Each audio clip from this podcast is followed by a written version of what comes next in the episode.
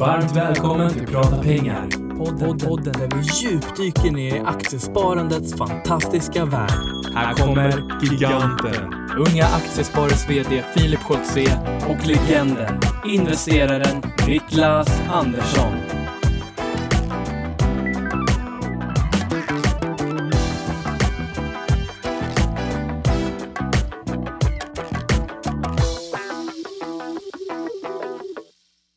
Då säger vi äntligen måndag och varmt välkomna till Prata pengar. Eh, det är eh, annan dag påsk när ni hör det här och det är skärtorsdag för oss. Eller hur? Ja, man måste tänka efter. Det är ju kort vecka. Börsen öppnar snart och börsen stänger snart. Stänger klockan ett idag va? Mm. Så det och blir den är väl korthandel. stängd på annandagen också? Ja, det är den. Den öppnar inte förrän tisdag hela dag. Så det, det gäller till att du har en bra inköpslista nu på vad du vill köpa så att du inte står och velar. Men det är ju för dig en gång i månaden så det är inga problem. Du har redan köpt. Verkligen. Ja. Och eh, eh, vi har eh, idag då när det är eh, torsdag den 13 så har vi eh, en ny gubbe bland oss. Du fyllde ju nyss 30 Niklas. Ja, Ja. påminn mig inte tack. Nej, men nu har du, nu har du en kompis. Och det är Unga Aktiesparares förbundsordförande Johan Jansson som fyller 30 år idag då, torsdag. Så vi vill säga varmt grattis till dig. Varmt grattis Johan, välkommen in i skaran av gubbar. Ja, men ni får hänga kvar i UA ett tag till. Ja, och vet du, där måste jag ju bara säga en sak. För jag fick ju nämligen en liten present till jobbet. Ja. Och då öppnade det här paketet där det var lite ätbart och det var en liten eh, Ratos Exit också, det här Nordic Cinema Group. Just det. biobiljetter. Då stod det så här. När månaden faller mot sitt slut så måste vi säga adjö till en vi hållit kär. Niklas ska gå och bli pensionär. Grattis Niklas och tack så mycket för arbetet du gör för att inspirera nya investerare. Hoppas du får en härlig födelsedag och lycka till med Junior när det väl är dags. Unga aktiesparare Siljansbygden. Jättefint. Det tyckte jag var trevligt. Det roligaste med det här, eller inte det roligaste, men vi fick ju också, eh, inte, inte det som du fick, men vi fick en eh, chokladkartong till kansliet från dem eh, som tackade oss för, för en del saker. Och Mm. eh, då skrev de så här, PS, ge inte Niklas något för han har fått eget godis. det tyckte jag var kul. Jag tyckte jag var en elak disclaimer. Nåväl. Så eh, grattis till dig igen eh, i efterhand Niklas och grattis till Johan, riktigt kul. Jag tror han skulle till Dubai och fira. ah. Ett år mindre med ränta på ränta, såklart man måste ju slå på stort. Exakt. Eh, innan vi kickar igång med dagens gäst så eh, kommer ni ihåg att vi hade Johan här, teamledare på Ung Privatekonomi. Och han eh, ska ju flytta ner till Göteborg och då behöver vi hitta en ersättare till honom. Ehm, och då är det så här att vi har fått in en, en hel drös med ansökningar. Men det har varit ett par, tre stycken som har hört av sig som inte har fått någon återkoppling från oss. Och då är det för att deras ansökningar har inte kommit fram. Och vi återkopplar till alla som söker. Så att jag vill bara uppmana er igen att om det är så att ni har sökt men inte hört någonting från, eh, från Niklas Uppenberg då, eller från Johan, eh, så hör av er igen. Eh, och då kan ni mejla till niklas.uppenberg.ungaaktiesparare.se eller så går ni in på ungprivatekonomi.se och så hittar ni kontaktuppgifter där. Vi vill höra ifrån er. Mm. Och vet du vad Filip? En sekund innan vi börjar bara så måste jag bara nämna en kuriosa. Jag har Ja. fått för mig en sån här liten grej att, att göra så filminslag på 10 minuter så att man lär sig bol ett bolag på 10 minuter. Och jag var så stolt över mig själv för att jag stängde på 9.57 och stängde det här videoklippet jag har spelat in och sagt att Filip hade varit så stolt över mig och insett att jag klarade 10 minuter. Och då pratade jag om kappal. Av den enkla anledningen att Jenny är ju hemma, hon är ju vila och lugn inför barnafödelse och Netflix och sådär. Men det är ju lite tristess. Ja. Så hon ringer mig på dagarna och frågar har du kikat på den här aktien? Har du kikat på den här aktien? Och nu är det kappal. Och det är en aktie jag inte äger men jag tänker den ska jag kika på lite närmare i och med att Jenny är lite nyfiken på den och köper lite barnkläder där och så inför. Och jag, den kuriosa jag bara vill säga när man läser på om kappal, kort, kort, kort innan vi släpper Ja, in det gästen. helt okej. Det var att det här grundades 1953. Och på den tiden så var det inte så vanligt att kvinnor hade fina moderiktiga kappor på sig för det var ganska dyrt. Ja. Men då startade Per-Olof Ahl en, en eh, kappbutik i en källare i Göteborg. Eh, där han sa att en kappa skulle få max kosta 139 kronor och köerna ringlade sig långa ska jag säga. Och det roliga med det här var att eh, till, det var så pass mycket folk, man skickade in busslaster precis som stämman till, till Clas Olsson. Och han blev känd som Kapp-Al. Han i Kappbutiken hette Al i efternamn. Så på eh, spårvagnen i Göteborg sa man byte till Kapp-Al, nästa Kapp-Al, stopp, nästa stopp i Kapp-Al. Tänk det var häftigt och ingen kappa skulle kosta över 139 spänn. Men nu till dagens agenda. Ja, och jag har en eh, sista grej. Vi har ju årskongress här, Unga Aktiesparare, i eh, Malmö den 22-23 mars. April är det ju, är vi inne i. Ja. Ehm, och eh, då kommer jag och Tove att dra ner till Malmö ett par dagar innan för att den 20 så ska jag och Tove snacka på Malmö högskola eh, Eh, och då är det tillsammans då med eh, våra lokalavdelningar nere i den regionen. Eh, och eh, jag eh, tänkte säga till Patrik här att vi lägger till en länk till det här eventet i beskrivningen av det här avsnittet så kan ni gå in och eh, jag tror inte ni, nej ni behöver inte vara medlemmar för att eh, dyka upp. Det är bara komma dit, det löser vi. Jag så hoppas att vi ses där. Men nu Niklas är det dags för eh, dagens gäst. Vill du på? Ja, men det kan jag göra. Idag har vi med oss Jonas Elofsson från Affärsvärlden. Och där ska vi få lite matnyttigt kanske, både vad som händer där och lite grann hur han ser på investeringar och vad man ska kika på. Varmt välkommen hit Jonas. Tack så mycket. Vem är Jonas? Vem är Jonas? Ja, jag trodde det var en kul på där först tänkte jag när ni sa välkommen ny gubbe. Men Jaha, det, nej, det det, och det var, det var inte jag. Eller det är jag kanske. Nej, det tycker jag Men inte. eh, vem är jag? Ja, precis, jag, jag, jag satt tänkte lite på innan faktiskt hur, hur, hur allting började egentligen med aktier. Men, och, ni, och förra veckan, lyssnade jag på er Gott och Dix där. Och, Ja. Eh, men det finns även en annan eh, signatur som heter Aktieingenjören. Och det kanske, Mm, det. kanske mer eh, passar mig. Jag, jag är faktiskt civilingenjör i, i, grund och botten och har egentligen inte alls, egentligen inte alls läst om ekonomi. Ska jag säga. Och det, om nu kanske inte man ska skryta med när man är på finansmarknaden, men det är väl mer den, här, den bakgrunden. Så att jag, jag har egentligen ett förflutet som analytiker och säljsi- säljsideanalytiker på eh, Kaupting Bank bland annat då, den isländska banken som gick i krasch eh, 2008 där och eh, även då på um, Redeye var jag en sväng där och även Nordiska fondkommission som det hette innan det blev, ja innan de gick ihop med Aragon och Eh, och Matteus, eh, som, som egentligen blev, var det som blev Kaupting en gång i tiden där. Eh, Kan inte du bara förklara snabbt Mm. det här med säljsida och köpsida och, och vad det är för olika typer av analytiker? Ja, precis. Det är sånt som man eh, är bra att fått en, liksom, en erfarenhet och, och insyn i, för det är inte riktigt eh, sådär som man förstår. Alltså, man kan ju egentligen börja med, enklast är väl köpsidaanalytiker som är de som är för det första ganska få och allt färre. Eh, för det, det är på fondsidan då, som, och på förvaltarsidan och institutioner. Och där, ja, som, som då ska eh, supporta och stötta eh, en förvaltares roll. Men den, den har någonstans sugits upp in i förvaltarrollen då, av effektivisering och, och, och sånt. Och då, då kanske säljsida analytiker blivit än mer, lite mer viktig för att vara den rådgivaren med att eh, bevaka olika sektorer. Ofta har man ju en sektorbevakning. I mitt fall så var det förlåt, IT och, och småbolag. Eh, du kan vara verkstadsanalytiker, du kan vara retail. Eh, och så servar du då dina kunder som ofta är olika förvaltare, pensionsfonder, stiftelser och sånt. Och Och IT, när var det här? det här, det här, det här är mm, 2000, alltså jag började 2000 egentligen på, på Oh. Nordiska, eller rätt sagt så här. Kul! Jag, jag, jag, jag, jag, kom från eh, konsultbranschen på värsta håsna, men alltid haft det där aktieintresset som vi kanske kommer tillbaka till. Men eh, jag kommer ihåg faktiskt att jag, jag, jag sa till och med upp, jag sa upp innan jag hade skrivit på kontraktet för jag, jag tyckte att jag kommer nog få det här jobbet i alla fall. Eh, det är lite gambling, men det var så jag gjorde. Och sen det här var ändå mars 2000, ni förstår själva, om ni Ja. kom till tillbaka så var ju 7 mars 2000. det var en, eh, it was a great eh, day to start. Nej, men så jag började egentligen med två, två och ett halvt år nedförsbacke och framförallt i, i att följa den här tech-sektorn eller IT-sektorn. Det var verkligen, det var ingen, ingen bra start på det sättet då. Ehm, så det var tungt. Nej, och ändå någonstans där att man liksom, när man kommer in i det där och börjar arbeta med det, precis som vi brukar säga just där i sämre tider, att man, man liksom lär känna sig själv och att man ser hur man reagerar och hur man sen agerar på det. Men just IT-boomen och kraschen måste ju ha varit en otroligt intressant tid att verka i. För att jag menar, jag och Filip kan ju idag skratta lite grann åt ja, man betalade liksom hundra gånger årsvinsten och det var så här galenskap. Men samtidigt så måste man någonstans sätta sig in i den kontexten också.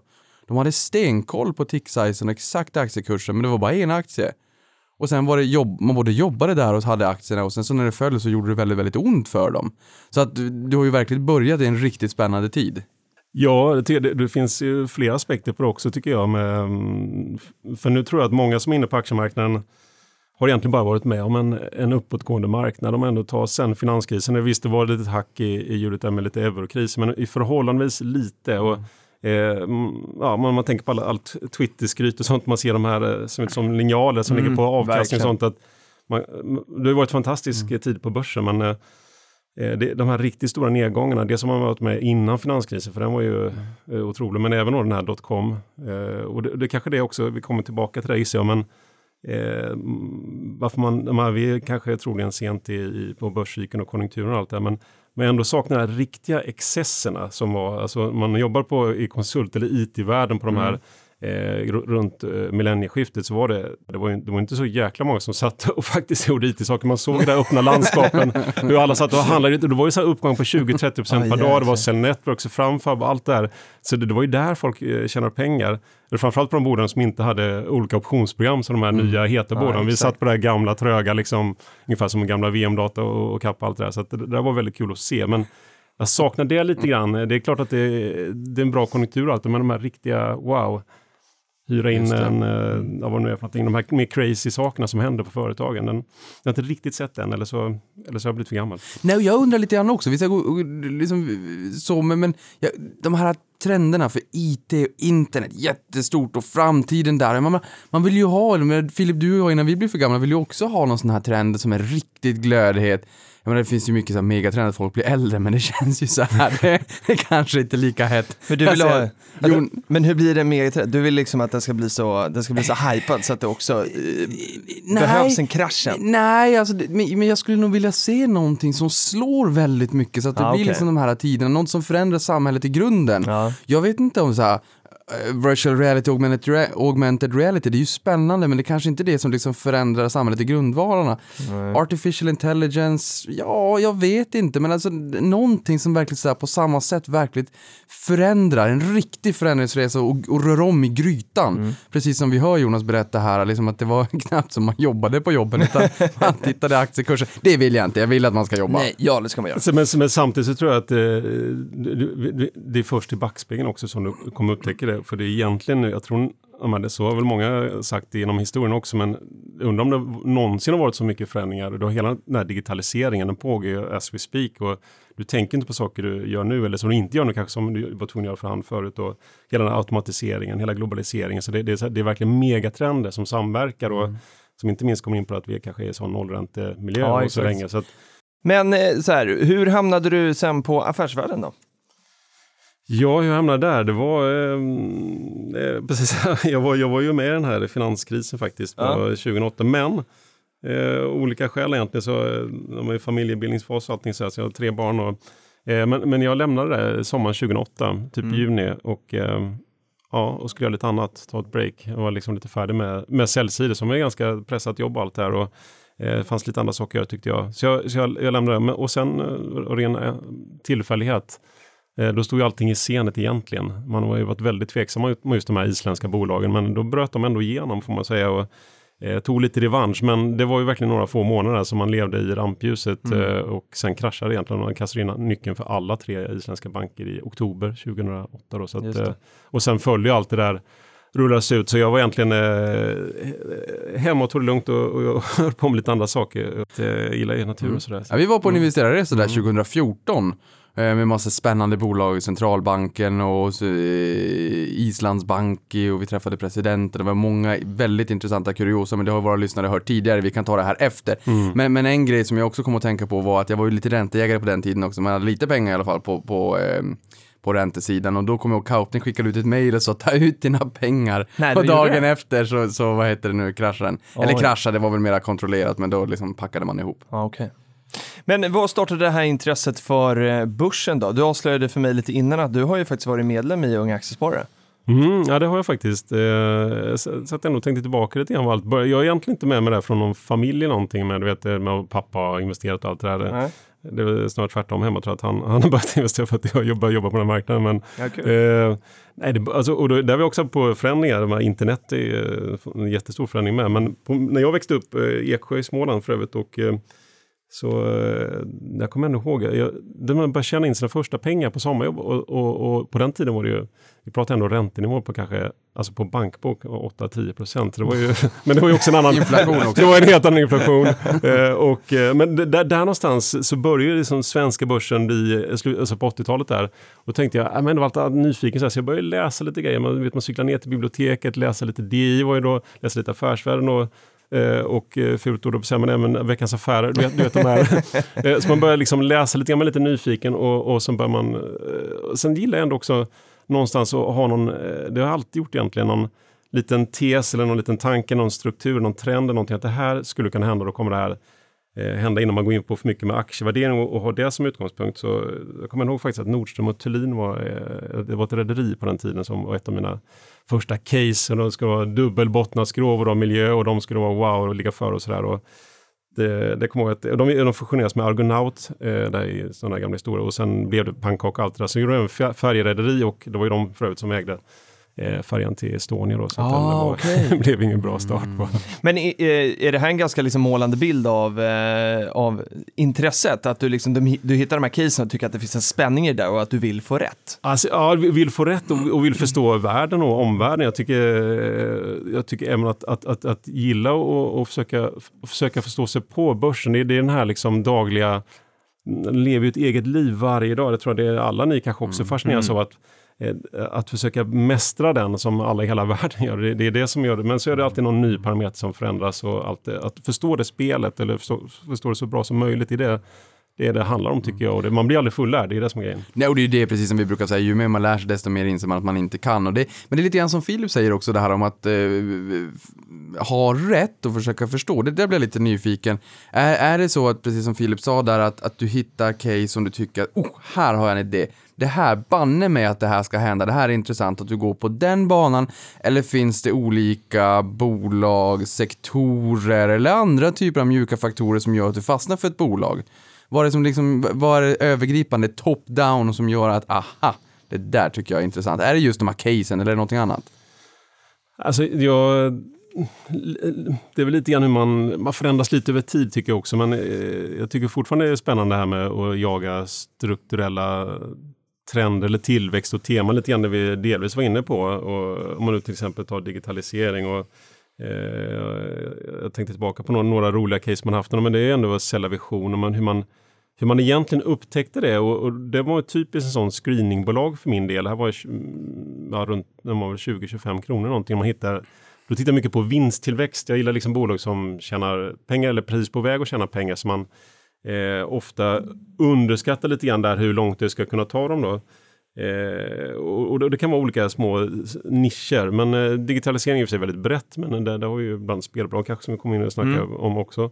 Eh, och, och sen, ja, gärna en hög bruttomarginal, om vi ska komma in lite mer på teknikaliteter och kanske en, eh, ja, det kan vara ganska låg eh, rörelsemarginal. Och då vet man om att det blir en väldigt stor hävstång när volymen tar fart eller fortsätter. Det är ju någonstans det här liksom med fasta kostnader. Och Celevision är ju typexempel på det, det är en fantastisk marginal och nu exploderar tillväxten. Eh, Och här lägger jag in ett veto mot att gå vidare, för här borrar vi oss ner i två minuter Ja. till. Kör på det. Eh, och det beror just på att det här som precis som du säger, när man hittar bolag som har en bra trend i vinsttillväxt, förmodligen i ett vettigt marknadsklimat eller kanske till och med ett optimistiskt marknadsklimat när det är risk-on, så kommer ju den typen av aktier handlas upp. Man kommer liksom vä- värdesätta den vinsten ganska högt, förmodligen i alla fall. Och tittar jag på Cellavision, eh, Cella- Cellavision brukar jag säga det, du sa Cellavision, så därför vart det en, en mix där. Ja, vi får byta Va-. Vad heter det? Ja, det heter nog kanske Celevision. Eh, Ja, så vi säger Cellavision. De är upp 800% de senaste fem åren. Och där kan jag tänka mig att många som kikar på det här tycker, mm, Förutom att titta på P talet för det kan ju faktiskt, värderingen kan faktiskt vara lägre idag än vad den var då, lite beroende på hur vinsten har utvecklats, men i alla fall. För de som lyssnar på det här och sitter och tittar på en graf, man ser nästan spikrakt uppåt, eh, och man tänker, hur sjutton ska de här kunna fortsätta med exakt samma trend? Du sa att man, eh, man tenderar att underskatta framtidspotentialen. Och det där tycker jag är, är ett klokt medskick. Hur ska man tänka där? Någonting som har gått riktigt bra, men som kanske har en, en enormt stor marknad kvar och bara har skrapat på ytan. Hur tänker man där? Ja, det där är ju en jättebra fråga. Och det, man kommer någonstans tillbaka till preferenser på kanske vad du har för liksom, tankar med investering. Och, och jag tycker någonstans det jag verkligen har lärt mig och som är kanske svårast tror jag i början, det är det här och det är väl ett unga, eller aktiespararnas grundråd det här med liksom en lång tidshorisont. Jag Mm. tänker jag, jag, lyssnade faktiskt på det Gotterix återigen till förra veckan. Han spelar schack och jag spelar också schack, i alla fall min ungdom. De har hittat här- varandra. Ja, men det här, jo, men det, det, det här, jag vet inte om han var ingenjör också på att säga, men eh, det, det är någonting med det här schackspel och tänka strategiskt, vad ska bli Ja, nästa dag? Det, finns rätt mycket likhet, men eh, ärligt talat, en, ett av de råden som jag kommer ihåg från en av mina schacklärare, jag funderar på om det var faktiskt Håkan Kärnemo, han var CFO på Tellogic i många år och spelade schack, Mm. från Eksjö, lilla Eksjö faktiskt. Men han Eh, eller någon annan var det, som det var det, det bästa rådet med i schack, det är sitt. Alltså sitt på dina händer, just för att du ska hålla tillbaka så du inte gör de här spontana Mm. dragen. Och det, det, det är ju nästan samma sak som gäller på, på aktiemarknaden. För att till Man ska exempel, vänta ut misstagen ska, nej, inte, alltså, Alltså motståndarnas det, det blir misstag, fantastiskt. Med, om, du, om du köpte då Celevision på, på våra rekommendationer och sen har vi någon riktkurs på ett år på, vet, även fast det var en kursdubblare, det var ju fantastiskt då, men då, har du- då har du ändå missat liksom 300% till, bara en till två år senare. Och spelbolagen var ju ett typexempel på det också, som, och inte minst för egen del. Man klev av alldeles för tidigt, även fast man gjort tio gånger pengarna så var det liksom fortfarande en dålig affär, om man nu ska vara liksom lite petig, om man tittar tillbaka. Att, eh, långsiktighet är det är ju det är, det är fantastisk eh, egenskap. Och eh, jag intervjuade här i senaste numret som kom igår av Affärsvärlden, så Beijer Alma, det Mm. gamla fina klassiska bolaget som Ja, det ser ju liksom ganska fullvärderat ut, men han, han Bertil Persson som varit vd i 17 år har gjort ett fantastiskt jobb. Är verkligen eh, aktieägare där är ju bara att gratulera som har varit med hela vägen. Men eh, vad var liksom viktigaste egenskapen? Och det var, eller vad, vad tyckte han när han tittade tillbaka? Och det var verkligen det att vikten av vad man kan göra med saker på lång sikt. Hur han då kan förvalta tillgångar som i sin tur då liksom sätter ja, värde för aktieägarna. Så den, det var det verkligen den lyft- lyfte fram. Eh, och, eh, om man tittar på andra personer som Gert-Erik Lindqvist, alltså den ah, mångåriga vdn för, för Nibe, också fantastiskt både. Han är också otroligt långsiktig. Han blev vd 98. Eh, ja, jag tror han 65 gånger pengarna i, i Nibe, i liksom ett verkstadsbolag. Eh, så det, det behöver inte vara att det är någon flashig liksom, IT eller någon, någon sån där bolag, utan det är verkligen duktiga vd som förvaltar tillgångar väl. Eh, och i det här fallet då förvärvar väldigt väl. Det är ju Nibes verkliga med styrka. Verkligen. Ja, det är ju intressant paradgrenen just där att man skulle ha omsätta 20 miljarder här äh, på, innan 2020 och nu höjde man ju upp till 40 miljarder så man spänner ju verkligen bågen. Mm. Det Absolut. Mm. Eh, Och jag tycker också ja. det, det är att vikten av att, läsa mycket faktiskt. För att det där, då kan man nästan tolka, det var ju liksom lite ny information att man lägger, tidigarelägger något år och, och det där eh, var väl ändå lite, en lite positiv tolkning. Men, men tillbaka bara kort till Celevisioner, att Mm. ja, alltså de gör 3-3,50 år kanske och aktien 150 kronor, det är köpa idag. Mm. Det är ju liksom lite tufft och eh, det finns, det finns säkert bättre val än någon annanstans, så är det. Men om du varit med hela vägen och allt det där, det, det, ja, långsiktigt eh, så är långsiktigt, det är verkligen det som vinner. Långsiktighet är en dygd. Det, Ja, det är är, det. ju det. Men eh, nu var du inne på eh, Beijer Alma här och, eh, och Affärsvärlden Tidningen som, eh, som vi kommer hit till kansliet. Vi har ju ett samarbete med, med Affärsvärlden, med Unga Aktiesparare. Så våra medlemmar får ju handla, eller får en årsprenumeration för 795 kronor. Så det är kraftigt eh, rabatterat för att man liksom, eh, vi tycker att det är, är kul så att man liksom ska få lära sig och läsa så mycket som möjligt. Och då eh, hade vi tänkt att vi skulle berätta det i podden och då var det Niklas idé att så här, men då bjuder vi in någon från Affärsvärlden så att vi liksom får höra hur är det egentligen att, eh, att jobba där och vad kan man förvänta sig av den här tidningen? Om vi börjar med eh, liksom, tidningen då som du sa, porträtt eh, från Beijer Alma. V- Vad kan man förvänta sig om man, eh, om man prenumererar på er tidning? Vad kan man läsa om? Eh, ja, man kan ju... Vi, vi har ju då, jag är ju själv med i den börsredaktionen som Mm. är den ba- bakvagnen man säger på. Där får man fyra olika aktieråd varje vecka, analyser, eh, lite mer djupgående där och, eh, och sen några färre. Eller för säga, några färre, några, några mi- mi- aktieråd då, som är lite, inte lika omfattande. Och sen eh, gör vi en aktiv portfölj och försöker komma med lite konkreta idéer där. Resonera lite kring utvecklingen. Vi följer upp alla våra aktieråd eh, faktiskt på ett år bakåt som är väldigt transparenta på det och där ser vi faktiskt ligger ganska stabilt nu. Efter, efter 500 aktieråd så har vi ungefär två tredjedelar rätt i våra rekommendationer Okej. som jag tycker är faktiskt, eh, det är faktiskt riktigt bra. Eh, och sen eh, har man då alltid någon större intervju, man kan få liksom lite mer känsla och lära känna bolagen lite mer. Mm. Eh, och sen är det då olika typer av reportage, om det nu kan vara behind the story, vad hände i Eltels katastrof här med deras eventuella nyemission eller vad, vad hände när Black Earth, Black Earth Farming la ner eller eh, hur ser det ut med de här nischbankerna? Det är verkligen eh, olika sådana teman eh, och plus lite olika krönikörer som vi har och både lite makro, få lite nya infallsvinklar eh, och sådär. Så det är väl i runda slängar. Sen har vi digitala erbjudandet också på, kan läsa ungefär motsvarande på eller du kan Ja, läsa det, samma sak på digitalt. webben och sånt som också kommer byggas ut nu då. Men hur, hur är det här klimatet som liksom börsreporter? Att liksom hitta de här stoffen hela tiden till tidningen och eh, jag kan tänka mig liksom i din roll att det, det handlar mycket om att vara ute och prata och liksom hitta informationen. Är det, hur, hur är ditt jobb? Ja, alltså det, det, är, det är väldigt fritt jobb och det är lite grann det jag drivs av. Tycker att det är, mm, man gör verkligen vad man vad, vad, vad man gör det till. Och det, det är absolut, det handlar egentligen om att få väldigt mycket input oavsett om det är lyssna på, plocka upp någonstans på någon podd eller vara ute på någon eh, kapitalmarknadsdag eller eh, prata med bolagen eller, eller på investerarsidan också. Så att det där är ju en, en blandning av lite örat mot rälsen grejer, vad är hett nu och, och gärna någonting som vi, vi har kanske lite extra utmaning som fortfarande är relativt tidningsbunden då som man kan säga eftersom vi har utgivning en gång i veckan från produktionstid på den och eh, du ska fortfarande så att säga vara aktuell. Om, alltså, om det börjar rullas upp någon skandal någonting så, här, så det är sällan man kan göra den eh, fem dagar i förväg innan det har kommit väldigt mycket ny information. Så att då blir det ofta att man, att man kommenterar på något, ett eller annat sätt och då blir webben framförallt. Där har vi eh, motsvarande information. Men just göra någonting större av så får man ofta paketera ihop och, och, och ta någon annan ny vinkel och sånt. Så man eller nästan vara lite extra kreativ på det sättet där. Men eh, nej, och det, jag tycker ekonomijournalistik är ju det är väl förhållandevis hett får man väl säga nu med många nya, eller inte många nya, men några nya instick här. Du såg till exempel Metro med Kusto som köper och, och gör en satsning på ekonomijournalistik. Och, Och Kviberg som står och delar ut tidningarna. Ja, Kviberg och-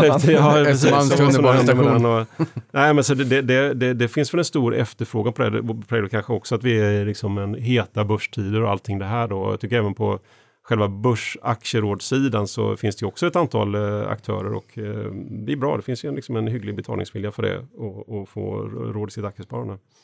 Ja, men vad är det för bolag då? Alltså vilken storleken på bolagen? I, i tidningen, de här råden. Vad är det för typbolag? Småbolag, större Ja, bolag? Alltså vi, vi försöker väl täcka en hel del, men mest ändå kanske, eh, framför- framförallt för egen del, är nästan alltid uteslutande små och medelstora bolag som just är lite mindre täckning på tycker jag. Sen finns det ändå någon form av Och maintenance. det är inte så många som följer alltså? Ja, det, jag tycker det är liksom lättare att komma med lite mer eh, mervärde för, Mm. för en läsare. Men det är klart att fortfarande så att vi, vi, vi tänker på vilka som är våra läsare och, och försöka ha en bredd i Eh, men folk sitter ändå med ganska eh, rätt mycket storbolag i Sverige ändå, men det är med. Men vi har även lite nordisk bevakning faktiskt som eh, tycker ändå den har ju tagit tid och, och lite själv som jobbar på Avanza, men jag gissar den växer nog ändå stadigt ändå tror jag, eller? Det, det, utlandshandeln växer stadigt. Sen, sen är det ju som vi brukar säga, det är ju ett home bias som man handlar Ja. mycket i Sverige, men de andra marknaderna sakteligen sakta men säkert. USA är ju väldigt populärt förvisso, men, men även de nordiska marknaderna runt om.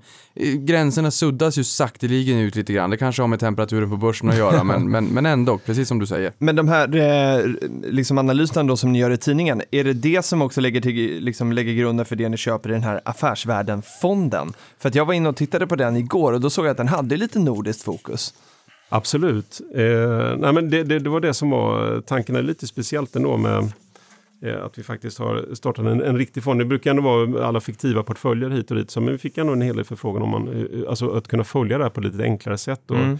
Eh, nu är inte det alls samma produkt för övrigt då, det som vi har i, i, i, i tidningen Nej. och eh, fonden, men eh, vi har- ett samarbete där med Lund, eh, Lundmarkfonden, så vi har, en, vi har ett, jag är med i ett placeringsråd tillsammans Mm. med mina kollegor, på, vi är tre stycken här, och då en förvaltare som är, jobbar externt i ett externt fondbolag, som har den, hela tiden den, den slutgiltiga liksom, callsen på allt. Så vi träffas någon gång, eller eh, vi träffas en gång i månaden och eh, talar igenom, och då är precis som du säger, så det allt som vi egentligen har gjort i tidningen är det som är så underlag för Mm hur det ska kunna placera i den här fonden. Och fonden är en Sverigefond kan man säga, fast vi kan ha upp till 25% i Norden.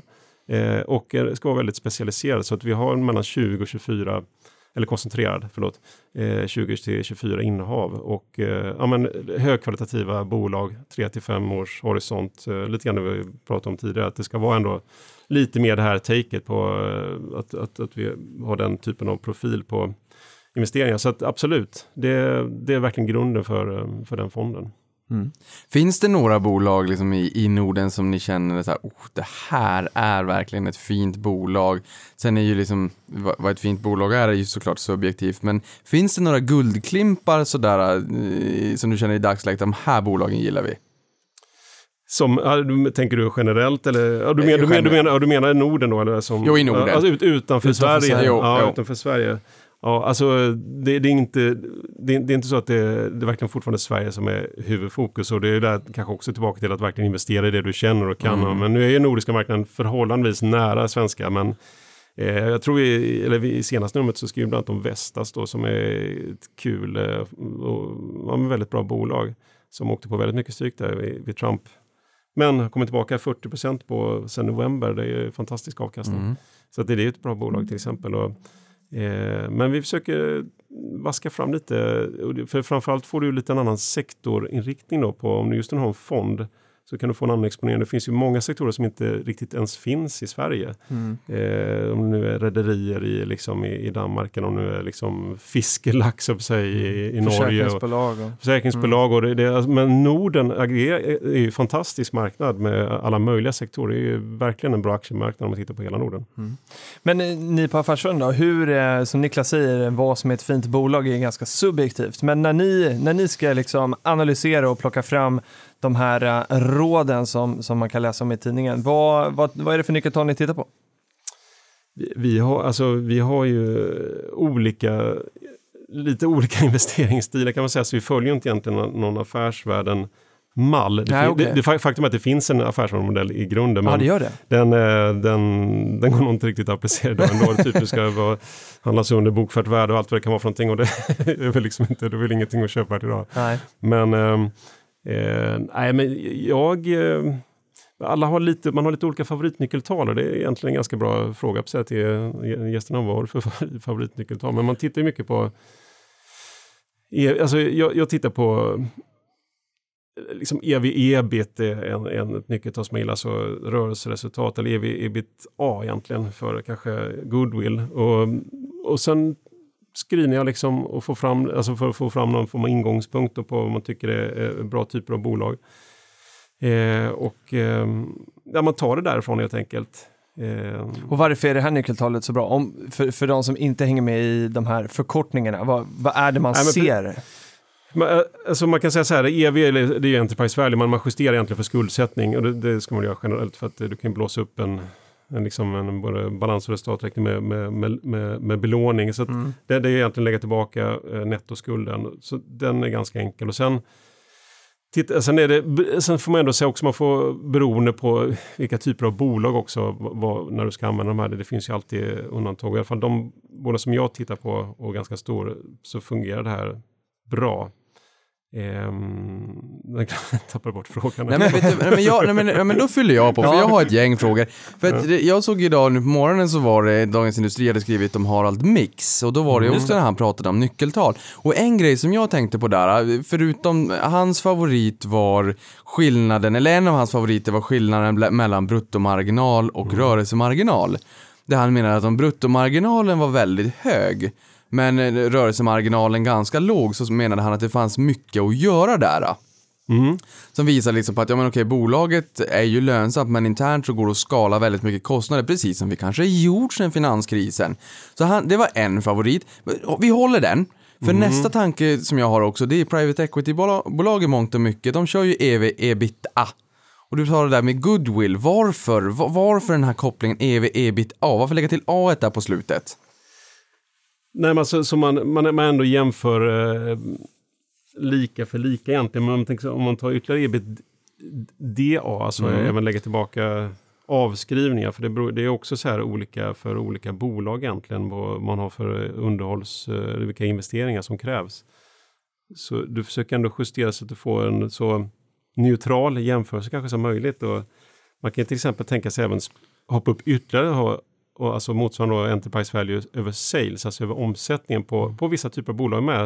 Eh, kanske spelbolagen eh, i, i, vissa sammanställningar, men ändå när de har det här olika på olika reglerade marknader. Du vet, alltså skatten och att det här kommer olika längre ner, om man tar Unibet och Betsson, kanske bara för någon form av känsla, är det här liksom högt eller lågt för att liksom kategorisera in egentligen. Mm.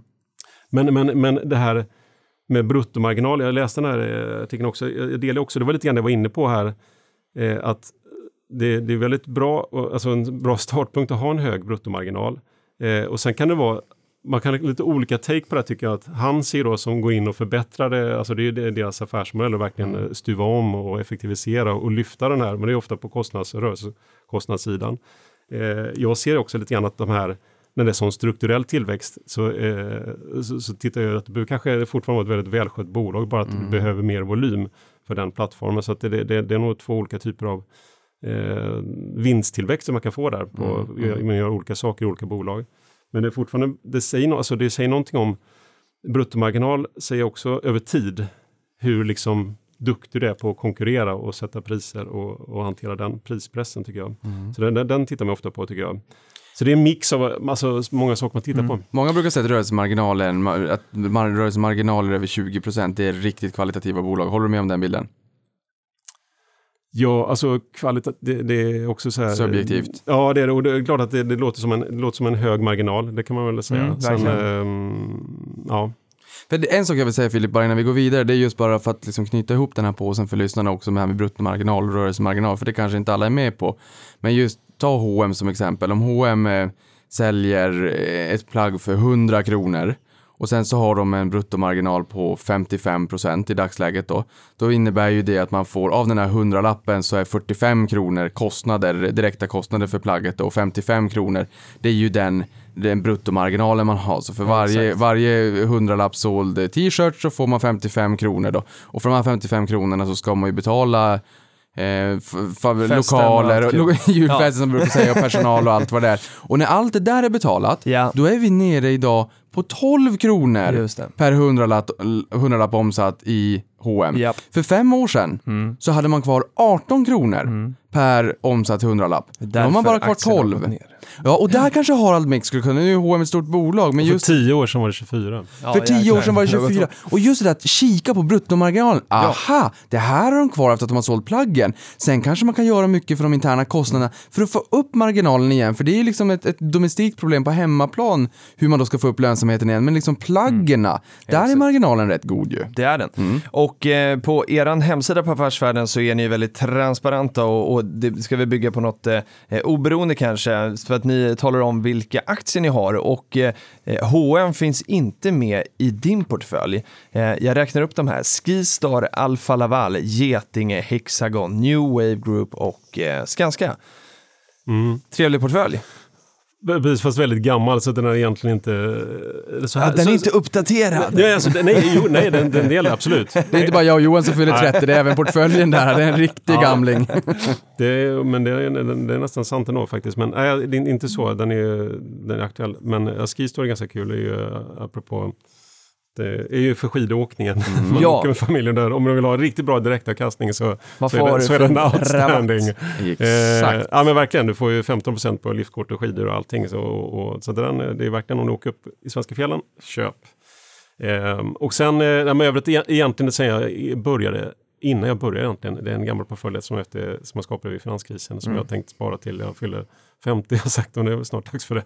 men, men, men i övrigt så sparar jag faktiskt i, i Affärsvärlden-fonden. Så att jag, Okej. jag försöker, och jag vill inte, ja, men vi får ju inte heller eh, äga och, och skriva om samma aktier.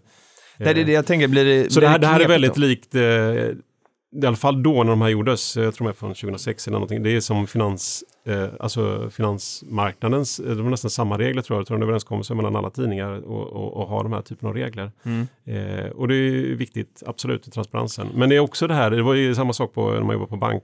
Eh, det, blir, du får inte äga, du får inte göra korta affärer och sälja på en månad och sådana saker. Och, det är en liten tendens till att det också lägger lite våt filt över, liksom, det- om du har, liksom, har ett väldigt stort här, aktie och, och intresse på, Mm. beroende på hur mycket affärer och sånt gör. Så. Men det måste ju någonstans vara så här i slutändan ändå. Alltså det där är utmanande, därför att jag menar, i branschen, jobbar du på eh, Tesla så förväntas du kanske inte köra en Volvo. Jobbar du på Apple så förväntas du nog inte sitta i publiken på mötena och, och ha en Samsung-telefon. Men i den här branschen så är det mer eller mindre så, jag har hört många som säger att man inte får handla aktier överhuvudtaget. Vissa har tre månadsregel, de allra flesta har en månadsregel i branschen. Du säger att man inte får skriva om samma bolag som man äger. Finns det någon form av, alltså jag tänker för de som aspirerar en sån här karriär och skulle vilja skriva och bli, liksom, skriva om aktier, liksom göra det här till sitt dagliga hantverk. Får ni inte skriva alls om bolag ni äger eller handlar det om hur lång, eller, lång tid ni har ägt bolag? Jag säger att du har ägt den här portföljen jättelänge. Eh, Får du inte skriva om ett enda bolag som du har ägt under alla de här åren? Man får, eh, det får man väl liksom ta med sin eh, chef och, och det, så det är nog en överläggning där. Jag vet inte exakt ärligt talat vad, men om det skulle vara så en sån intressekonfliktsituation så är det ju att den ska highlightas, så är det ju. Mm. Men, ehm, ja, men, men så är det, jag tror även i, om du jobbar som eh, sektoranalytiker då, eller säljsidanalytiker som vi pratade om, så är det nog att ja, du får nog inte äga aktier alls tror jag i, eh, i dina respektive sektorer. Nej. Det här är en bra påminnelse för mig och Filip då i podden och de som lyssnar på det här att när vi pratar, om vi pratar om bolag så eh, antingen att man har gäster med sig här från bolag eller kanske Avanza Play så köper vi inte aktierna innan allting är publikt. Så det är bra med skicka och ta med i, i- just det här forumet då. Yes. Mm, absolut. Ja, men, ehm, så det, det är så vi ser på det. Mina köp kan man ju följa live också så att eh, eh, det, det blir aldrig några problem. så man vet exakt när jag har köpt det inte. Så Alltså, värre eh, än share, ridiculous. Sharewille. Exakt. Ja, Vi har okej. lite- Där hörde vi vi har inte. lite roligt kan vi få in ett brus i podden här? Sorry, sorry. Så att, eh, ja, det är bra tips om man vill vara transparent. Eh, men eh, du berättade att eh, du har ju följt spelsektorn och då pratar vi gambling och inte gaming eh, och var eh, först i Sverige va? Ja, det- ja Eller typ säga, men, men faktum är att jag, även gaming, jag tänkte på Digital Illusions var ju ett av, Ah, okej. men där var det nog någon mer. Men, eh, eller, men så här, jag tror, eh, jag jobbar på Redeye då faktiskt Mm. och, och, och så ganska abrupt där kom, så, kom ju Unibet in, det var 2004. Eh, så då var jag nog, kom ut med en analys snabbt där, men eh, det var väl, om det inte var HQ de som satte där på, funderar på om det är Jesper Norberg som var analys, alltså han som är EFN eh. Men, Ja, exakt. Eh, Men där, där, och därifrån och framåt så har jag ändå och följt eh, branschen faktiskt, Mm. eh, more or less. Det, och det har varit väldigt kul att se den framväxten av, eh, det, jag, jag summerar ihop de här svenska bolagen nu, det, jag tror det var market cap på, alltså börsvärde på 75 miljarder ungefär. Jag vet att Niklas är jätteintresserad av det här, för Niklas hade ju väldigt tufft i somras när Betsson eh, hade det lite jobbigt. Eh, och eh, och och det, det har ju inte riktigt repat sig. Från toppen alltså, det är en ganska bra bit ner. Nej, det har du inte gjort. Nej. Och så här, fy skam alltså, vi har ju sagt det här förut, med en vinstvarning som låg så jädrans bra till där i optionsprogrammet. Det kanske inte, det, det kanske inte alls är så att man har tänkt på det. Vad säger du där Jonas? Det, det, nu, nu får du prata ut, det är ingen som hör, det är bara vi tre här. Vad tycker du om vinstvarningen i Q2? Ja, nej men precis. Det, det är ju, eh, men det är också den enda plumpen i protokollet. Ja, Eh, mm, det, det, mm. det är som man får säga. Sen klart, så kom det in en ny vd som inte, ja, men inte riktigt har. Jag, jag tycker det är ett fantastiskt bolag och har varit genom alla år. Och, och, men det där får ju verkligen fått sätta stämpeln på bolaget därefter tycker jag. Den. Mm. Eh, Och det är visst, det var inte, det är fortfarande lite små frågetecken tycker jag. Men, eh, Men tillväxten då? Kindred, gamla Unibet, har en, Ja. alla, mer än en tredjedel av, av eh, omsättningen från reglerade marknader. Betsson går åt det hållet, men så är ju inte riktigt fallet. Det är lite högre risk i bolaget. Och, och, och tillväxten har varit lite blek senaste Mm. tiden. Absolut, men eh, jag tycker de, de jag gjorde också en annan sammanställning häromdagen faktiskt och tittade på eh, hur aktiemarknaden ser på det här med spelutredningen då, som kom här för några två veckor sedan ungefär. Eh, och det, det är så upp, alltså aktiemarknaden är så uppenbart pessimistisk för just Betsson framförallt, men även Kindred om man tittar, då tittar jag fram till 2019, då såg man hur verkligen hur rörelsemarginalen ska falla varje år, ungefär 6-7 procentenheter. Om vi Oj. pratar tillbaka om en Mm. rörelsemarginal, alltså ebit, eh, fram till 2019. Och, och även alltså vinst per aktie, jämför du Betsson förra året, visst då har du med den här varningen, men det är inte så att det var ett liksom ganska hyggligt år ändå overall. Då räknar man som att de ska ha en lägre vinst 2019 jämfört med 2016. Mhm. Jag, jag, jag, har, jag har lite svårt att tro på det ändå. Med liksom, nu ska du då, fångar du sällan förvärv förlåt, i, i, en, i en modell. Just det. Eh, men nu sänkte de ju utdelnings... Eh, vet du det? Utdelningspolicyn. Utdelningspolicyn och sign- signalerar väldigt tydligt att de nu ska vi förvärva mer än vad de har gjort. De har dessutom förvärvat en del så att det där kommer garanterat vara ett större bolag, Vi- tror vi- om tre år. Vet du, det, det där tycker jag är jättespännande. Det var ju samma sak med eh, Nordnet nu i och för sig. Nu köptes de ju ut från börsen. Men Filip, sänkte de utdelningen dessförinnan? Eller var det i, nej? Nej. nej, det gjorde de inte. De Nej. köpte bara ut det. Nej, det var min diskussion. Liksom att, ja, men då skulle man använda kassaflödet hur man ville och slapp dela ut. För det är ju just det här med signalvärden om det är så att man sänker en utdelning. Är det liksom för att det är defensivt och man, man liksom måste hålla lite pengar i ladorna för sämre tider? Eller är det offensivt för att man ser möjligheter, kanske strukturellt eller av andra skäl att man kan investera dem? Och precis som du säger här Jonas, att man då ändrar utdelningspolicyn, kanske i det här fallet signalerar aggressivt förvärv framåt. Och då behöver det inte vara negativt heller. Nej, alltså det, verkligen inte. Jag tycker överhuvudtaget tycker jag, jag har nog räknat med lite mer rörelser efter den här utredningen kom. För man tycker, jag tycker ändå att eh, någonstans så är det, nu vet vi mycket mer saker och allt annat lika så är risken mindre för de här typen av bolag så riskpremien borde liksom falla lite grann. Men eh, så har inte hänt och, och, och tillbaka då till det här med att, att, att nu ska vi förvärva mer. Det har ju liksom varit det som varit nyckeln för jättemånga vinnaraktier de här sista åren. Väldigt liksom trög konjunktur men otroligt billigt låna pengar. Eh, Har du varit en duktig förvärvare så har det ju varit fantastiska avkastningar för, för må, ganska många olika typer av bolag. Om du har sett de här industri Lifco-bolagen eller nu Nibe som är liksom industribolag eller om det är eh, spelbolagen också för den delen då som har köpt otroligt billigt utanför börsen och sen får den här multipelexpansionen i den här svarta lådan på börsen. Det är, Och nu kanske det blir lite svårare att hitta de här uppenbara objekten utanför. Jag ser Unibet eh, köper då ett litet börsnoterat i, i, Stor, eller i, ja, i Storbritannien. Och, Men eh, lika, absolut, jag tycker det är, det är positiva signaler. De, Har du visat att du ändå kan göra ganska bra förvärv så är det absolut en bra signal. Ja, där vet jag det är från Börsveckan, min kollega Peter Hedlund också. Han har varit professionell pokerspelare i tio år och det är lite grann din resa också det här med att dina kollegor tittade mer på aktier än på jobbet. Han tog en del av överskottet och placerade på börsen och sakteligen vart det så här 90 poker och 10 börs, sen vart det 80% poker och 20% börs och sen så kom han till en punkt där börsen var mer intressant för honom än pokerspelandet och sen så gick han över till bland analytiker. Hans syn på det här, precis som dig, spelutredningen släpptes 31 mars var ju att eh, Eh, vi, vi borde få en fallande riskpremie på spelbolagen och den här våta filten kanske börjar torka lite grann. Mm. Mm. När eh, vi skulle förbereda frågorna till den här så skickade Niklas eh, sitt frågebatteri till mig och sen så eh, kom det ett till mejl en sekund senare så stod det så här. Sist men inte minst så måste vi fråga om kuriosa kring hur nya Affärsvärlden då tar fram börsgolvet längst bak i tidningen. Och då tänker jag att du kan få börja med att förklara vad det här börsgolvet är på, på sista sidan eh, och sen berätta hur får ni fram det här. Och det är fortfarande ingen som lyssnar nu. Nej, det är fortfarande ingen som lyssnar precis. Och det, och, och det, glöm, det, precis, det glömde jag faktiskt eh, säga själv nu, nu, det här med att läsa Affärsvärlden. Och, eh, när jag själv faktiskt, när man jobbar i branschen så man börjar faktiskt med att läsa sista sidan och det är det som Ja. kallas för börsgolvet. Ja, Eh, och sen läser man citatet som är, lika som bär de här olika grejerna. Men i alla fall, eh, och det, det är väl, ja, jag kan sammanfatta det med som kvalificerat eh, skvaller på finans aktiemarknaden. Så ska man nog kunna säga Ja. om man ska vara... men är det skvaller som ingen vill liksom säga att det här var den som sa, utan det är anonymt? Ja, alltså det, det är ju...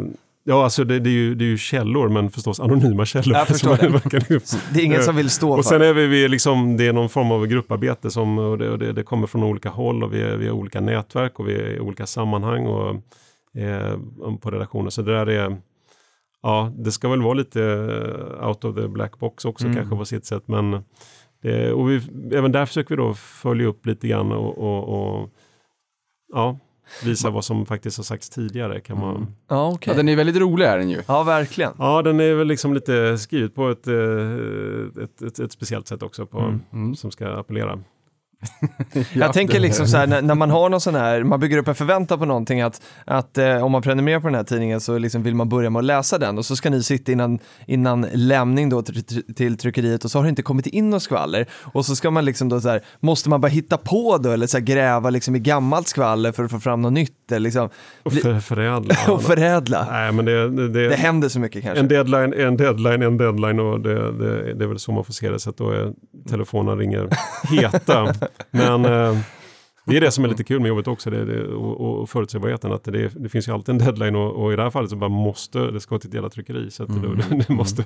Men det är panik ibland, absolut. Ja. Så, vet, vi, har, vi pratade ju också här tidigare om att eh, IT-boomen och hur det var på den tiden och att vi kanske önskade att det skulle komma annan strukturell tillväxt i andra branscher. Och vi har även pratat om strukturell tillväxt. Det är väl kanske en bransch som spelbolagen har varit i kanske sedan millennieskiftet. Vi har sett Axis som Canon la ett bud på.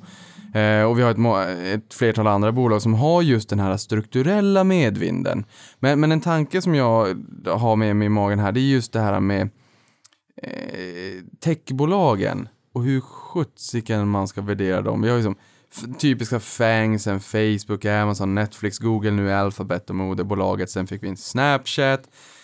Hur, eh, hur ser ni på affärsvärlden kring det här och hur tycker ni att man ska värdera den här typen av nya bolag som kan få en världsmarknad i, inom loppet av dagar? Nu, alltså, du är inne på den typen av bolag som inte har i Nu Sverige. är det filosofi.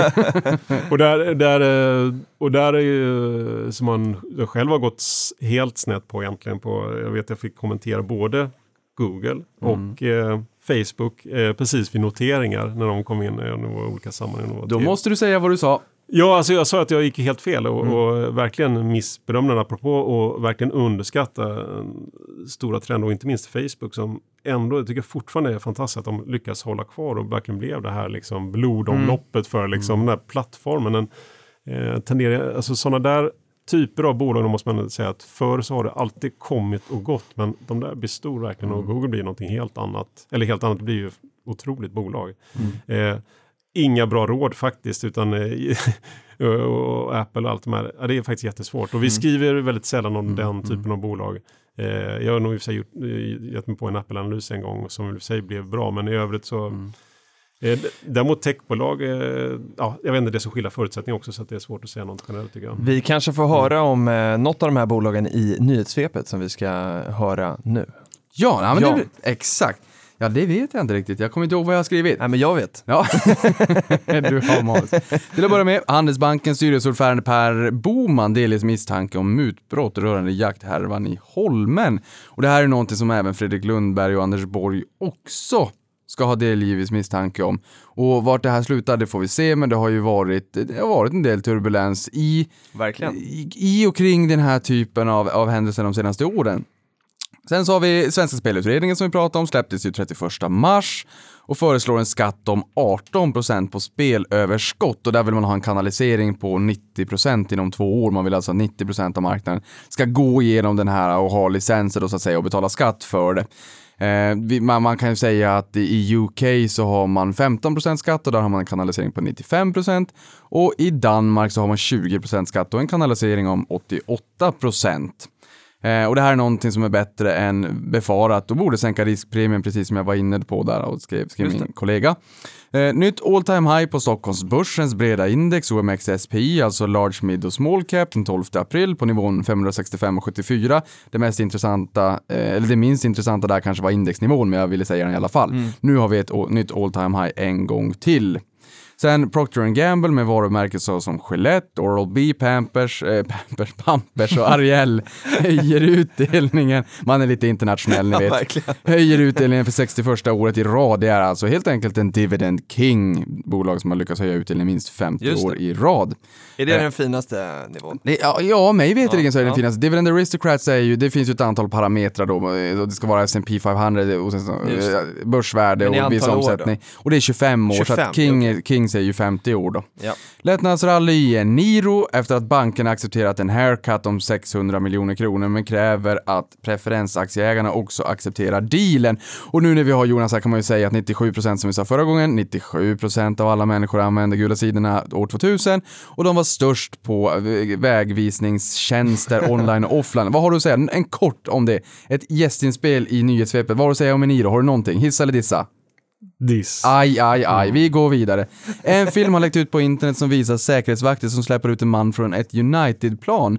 Som för övrigt var samma bolag som hade lite jobbigt också när de pajade en, en gitarr. Som ledde till att en, eh, ja det var ju en artist som gjorde en låt som heter United, Ja. United Airline Breaks Guitars. Som har fått 17 miljoner visningar fram till igår då. Ganska jobbigt, det här är jobbigt igen. De har extremt katastrofal krishantering, vilket gjorde att eh, aktien föll ganska ordentligt och största ägare här är ju Warren Buffett, vilket Tufft. kan tycka att det är lite jobbigt. Han hade ju även lite jobbigt med ehm, eh, Wells Fargo. Som det var en liten skandal där också.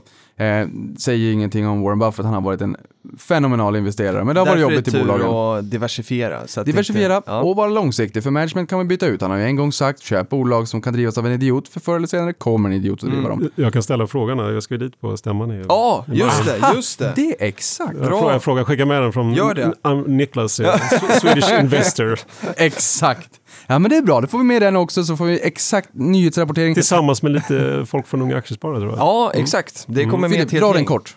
Ja, vi, eh, vi fick ju ett eh, resestipendium från eh, Spiltan eh, och Solos minnesfond. Så att, eh, det är en 5-6 unga aktiesparare som åker över här som eh, du kommer få hänga med. Riktigt bra gäng blir det. Fantastiskt roligt. Men Jag- The Pampers guy kommer inte vara med. The Pampers guy kommer inte vara med för han kommer bara ha Pampers eller Libero på sin dotter som föds snart. I ett inslag på TV4-nyheterna så sades det att Indien kan vara världens största ekonomi 2020 till 2025. Det var en arbetare i en fabrik i Indien som sa det här, men likväl så är det intressant att man på golvet där borta också säger det. Det talar ju någonting om, om kanske den förändringen, strukturella förändringen som sker i landet. Och här har Amazon blivit näst största aktör på e-handel i landet efter fyra år. Där kom eh, IT-jätten. Ja, och då kan man ju säga att det- den största, det här blev jag lite varse av Karin Fries på Carnegie, hon har ju Afrikafonden, hon sa Niklas, det är Flipkart som är, som är Jaha. största aktören i landet. Och de ägs av Naspers som är ett av hennes favoritbolag i Afrika. Just det. Eh, och det där var lite intressant, som även är systernoterad i London, det kan ju vara lite sådär, för att valutan i Afrika har ju varit lite läskig. Men nåväl, det har gått väldigt fort där så att säga. Och Amazon har gjort en, det, det är intressant att de ger sig in i det där landet, 1, någonting miljarder människor, det går väldigt bra för dem, de krigar mot eh, kontanter, 86% av kontanterna försvann när de krigade och tog bort de största valörerna.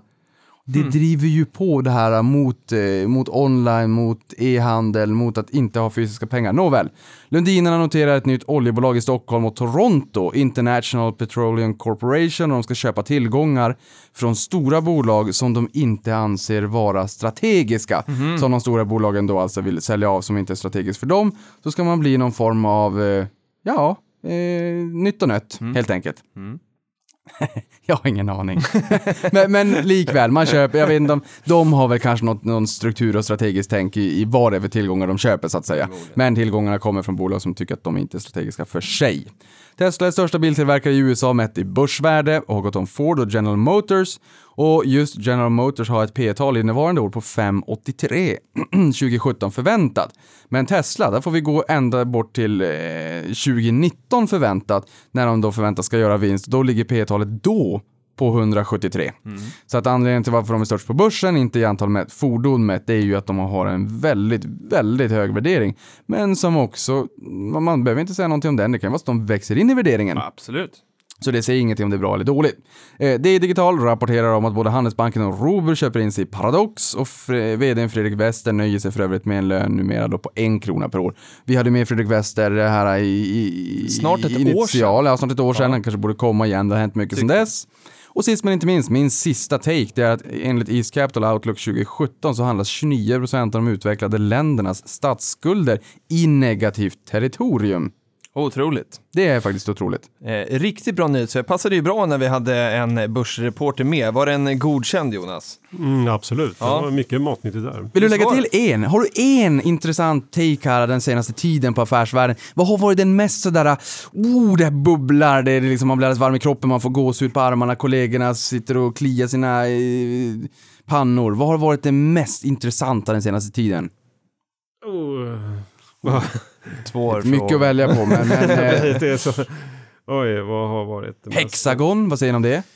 Ja, där är... ja, det är ju intressant faktiskt. Att, Intressant. Det, att, inte alltså, att aktiemarknaden ändå suger upp det där tycker jag om man tittar på aktien. Mm. Och, oavsett om, man är, om man nu blir fälld eller inte, men, eller om det nu blir liksom succession eller inte. Mm. Eller sådana frågor. Så att det, hur mycket är Ola Rolén i, liksom, i Hexagons värdering Mm. och sådär. Men det ser man inte och det är kanske lite förvånande, men absolut, det, den tycker jag är intressant. Aktiemarknaden här, en gång, ingen gång, två är lika med noll. Exakt. Och nu eh, önskar vi eh, glad påsk. Det är ju faktiskt eh, påsk fortfarande när ni hör det här på måndagen och eh, vi eh, har skärtorsdag. Och Filip, Ja. en påskhälsning. Ja. Lägg inte alla ägg i samma korg. Jättetack för att du eh, kom hit Jonas. Du är varmt välkommen tillbaka. Nu ska jag gå och läsa Affärsvärlden. Hej! Hej. Tack.